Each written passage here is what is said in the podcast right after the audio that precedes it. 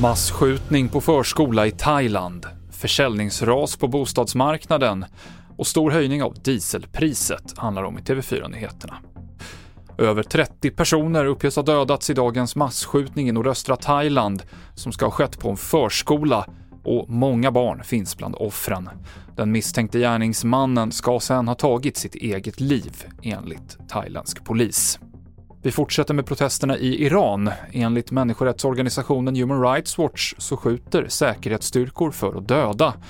Men trots att det protesterats i 20 dagar så är en ny revolution långt borta, säger Rosbe Parsi, programchef vid Utrikespolitiska institutet.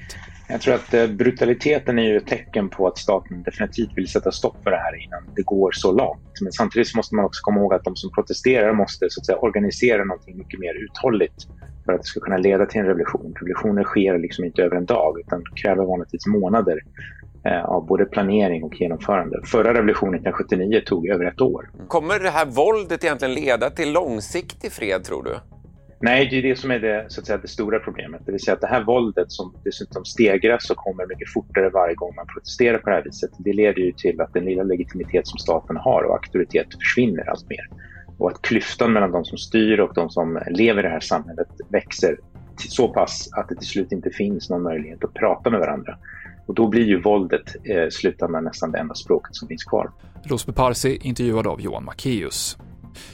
Dieselpriset höjs med hela 90 öre idag och det nya dieselpriset ligger därmed på 27 kronor och 32 öre enligt rekommenderade priser på bemannade stationer. Bensinpriset ligger kvar oförändrat på 21 kronor och 9 öre litern. De senaste dagarna så har oljepriserna på världsmarknaden stigit med mellan 3 och 4 dollar fatet. Och antalet sålda bostäder rasade i september, trots att det normalt sett brukar ske många köp då, efter de lite lugnare sommarmånaderna.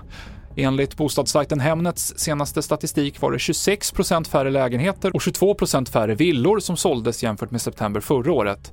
När det gäller fritidshus så minskade försäljningen med hela 42 TV4-nyheterna i studion Mikael Klintevall.